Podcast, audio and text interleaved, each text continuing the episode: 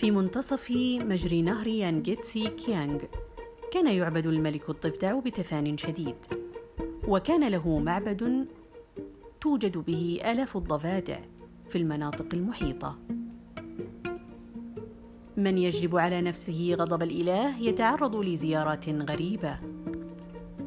كما أن هناك عدة علامات منذرة بالسوء كلها مكروهة وتهدد المنزل المذكور. لذلك كان السكان غالبا ما يذبحون الأبقار لتقديمها كأضحية ويهدأ الإله ولا يحدث شيء. في هذا الجزء من البلاد كان يعيش شاب يدعى سيا كونغ شونغ. كان شابا وسيما وذكيا. عندما كان عمره ست أو سبع سنوات دخلت خادمة ترتدي ثوبا أخضر إلى منزله وقالت إنها مبعوثة من الملك الضفدع. وأعلنت أن الملك الضفدع يرغب في تزويج ابنته إلى سيا الصغير. كان سيا الأكبر رجلا امينا ولكنه لم يكن ذكيا جدا وحيث إن الأمر لم يناسبه فقد رفض العرض متعللا بأن ابنه لا يزال صغيرا على الزواج. وبالرغم من ذلك لم يجرؤ على إيجاد زوجة أخرى لابنه.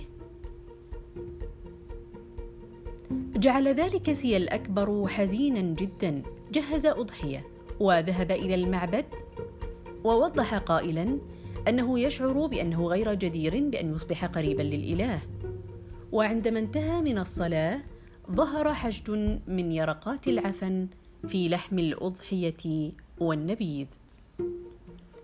فقام بالتخلص منها وتوسل من أجل المغفرة. ثم عاد إلى منزله متوجسا شرا. لم يكن يعلم ماذا سيفعل أكثر من ذلك ولكن كان عليه أن يترك الأمور تأخذ مجراها. في أحد الأيام خرج سي الشاب إلى الشارع اقترب منه مبعوث وأخبره نيابة عن الملك الضفدع أنه يطلب حضوره إليه. لم يكن في وسع سيا الرفض وكان عليه اتباع المبعوث. قاده عبر بوابة حمراء إلى غرفة شاسعة عالية الأسقف في القاعة الكبيرة كان يجلس رجل عجوز في الثمانين من عمره. أجلس سيا نفسه على الأرض احتراما له. أم أمره العجوز أن يقف وحدد له مكانا إلى الطاولة. وسرعان ما احتشد عديد من الفتيات والنساء ينظرن إليه. التفت العجوز نحوهن وقال اذهبن إلى غرفة العروس وأخبرنها أن العريس قد حضر. ركضت خادمتان سريعا. وبعد قليل جاءت امرأة عجوز من الغرف الداخلية تقود فتاة ممسكة بيدها كانت تبدو في السادسة عشرة من عمرها ورائعة الجمال. أشار الرجل العجوز نحوها وقال هذه ابنتي العاشرة. يبدو لي أنكما ستشكلان زوجا سعيدا ولكن والدك احتقرنا بسبب اختلاف عرقنا. اعلم يا بني أن الزواج أمر مهم للمرء مدى الحياة ويمكن لأهلنا التحكم في جزء منه. ولكن في النهاية يقع الأمر على عاتق المرء نفسه. نظر سيا بثبات إلى الفتاة ونما إعجابه بها. فأكمل الرجل العجوز أعرف جيدا أن الشاب النبيل سيوافق. اسبقنا ونحن سنجلب العروس لك. ذهب سيا لإخبار والديه. فاندهش والده من ذلك وأخذ يسرد المبررات ليرفض سيا العروس بلطف. لكن سيا لم يقبل وهما يتجادلان كانت عربة العروس أمام الباب بالفعل. كانت محاطة بحشد من المعاطف الخضراء. ودخلت إلى المنزل وانحنت تحية لحمويها. وعندما نظر الاثنان إليها سعدا بها وتم إعلان الزواج. عاش الزوجان الجديدان في سلام وتفاهم. وبعد زواجهما كثيرا ما كان الحموان الإلهان يأتيان لمنزلهما. عندما كانا يظهران مرتديين الأحمر كان كان يعني ذلك أن حظا جيدا سيصيبهما. وعندما يأتيان مرتديين الأبيض كان يعني ذلك أنهما سيجنيان شيئا وبذلك على مدار الوقت أصبحت العائلة غنية. ولكن منذ أن أصبح أقرباء الآلهة امتلأت الغرف والباحات وكل الأماكن الأخرى بالضفادع ولم يجرؤ أحد على أذيتها وحده سيا كونغ شونغ. كان صغيرا ولم يبدي أي مراعاة عندما يكون في مزاج جيد يتركها. ولكن عندما يكون مزاجه عكرا كان لا يعرف الرحمة ويدوس عليها وعن قصد يقتلها. في المجمل كانت زوجته الصغيرة متواضعة ومطيعة لكنها كانت تفقد أعصابها بسهولة. وسيا لم يقم أبدا بإرضائها أو التخلي عن عادته القاسية. وكثيرا ما عنفته بغضب فقال لها هل تتخيلين أنه بسبب مقدرة أهلك على إنزال المصائب على البشر أن رجلا حقيقيا مثلي سيخاف من ضفدع؟ كانت زوجته تتفادى بحرص نطق لفظ ضفدع. وذلك قد أغضبها كلامه. وقالت منذ أن عشت في منزلك أثمرت حقولك محصولا أكبر وقد جنيتم أعلى الأسعار عند البيع وهذا شيء مهم ولكن الآن بعد أن أصبح كبيركم وصغيركم غنيا تود أن تتصرف كبومة صغيرة. تفقع عيني والدتها بمجرد تعلمها الطيران. صار سيا غاضبا أكثر وأجاب هذه الهدايا لم يكن مرغوبا بها من طريق من طرفي لمدة طويلة حيث اعتبرتها غير نظيفة. لن أوافق على ترك هذه الممتلكات إلى أبنائي وأحفادي. يستحسن أن ننفصل على الفور. وهكذا جعل زوجته تهجر المنزل. وفي نفس الليلة. مرض هو وأمه وشعرا بالضعف ولم يتمكنا من الأكل. كان الأب قلقا جدا فذهب إلى المعبد ليطلب المغفرة. وفي خلال ثلاثة أيام عادت الصحة إليهما كما عادت الأميرة الضفدعة. ولكنها حين عادت انشغلت بحليها وصيغها. ولم تنشغل بالخياطة وكان ذلك على والدة سيا كونغ وحدها العناية بملابس ابنها. في أحد الأيام غضبت والدته وقالت: لدى ابني زوجة ولكن لا يزال علي القيام بكل العمل. في المنازل الأخرى تخدم الكنة حماتها، ولكن في منزلنا تخدم الحماة الكنة. سمعت الأميرة هذا الكلام مصادفة، وقالت: هل قمت بإهمال زيارتك في الصباح والمساء كما هو لائق؟ خطئي الوحيد هو أنني لن أتحمل عبء كل هذا العمل من أجل توفير مبلغ تافه من المال. لم تجب الأم بأي كلمة ولكنها بكت حسرة على الإهانة التي وجهت لها. جاء ابنها ولاحظ أن أمه تبكي وعرف السبب فذهب إلى زوجته بغضب وحاول توبيخها.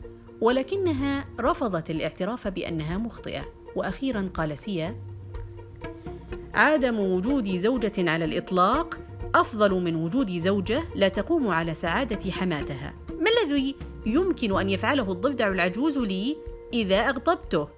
غير إنزال المصائب علي وأخذ حياتي. وهكذا أبعد زوجته مرة أخرى من المنزل.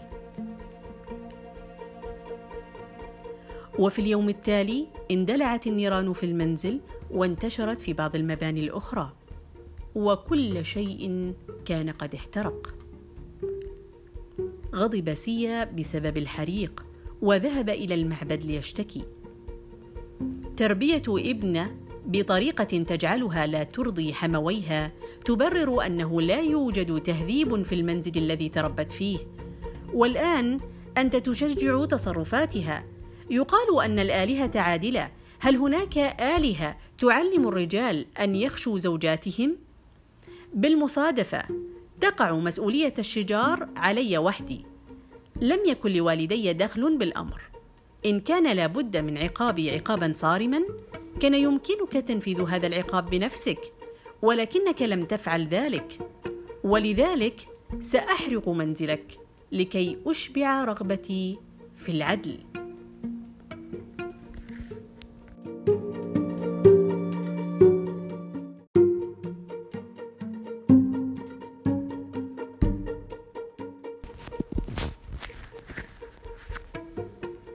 وبدأ في تجميع قطع الخشب أمام المعبد وأشعل شرارة وأراد أن يضرم النار.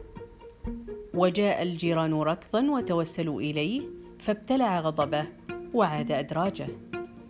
سمع والداه بالأمر فامتقع وجهيهما من الخوف. ولكن في الليل ظهر الإله لسكان القرية المجاورة وأمرهم بإعادة بناء منزل زوجته. وحضر العمال للبناء من أجل سيا تمت إعادة كل الغرف وكذلك الستائر والأثاث. كما عادت الأميرة أيضا واعترفت بخطئها بكلمات رقيقة ومحبة. واستمر الصفاء لمدة عامان وفي إحدى الليالي كان الأمير سيا يعلم جيدا أن الأميرة تكره الثعابين.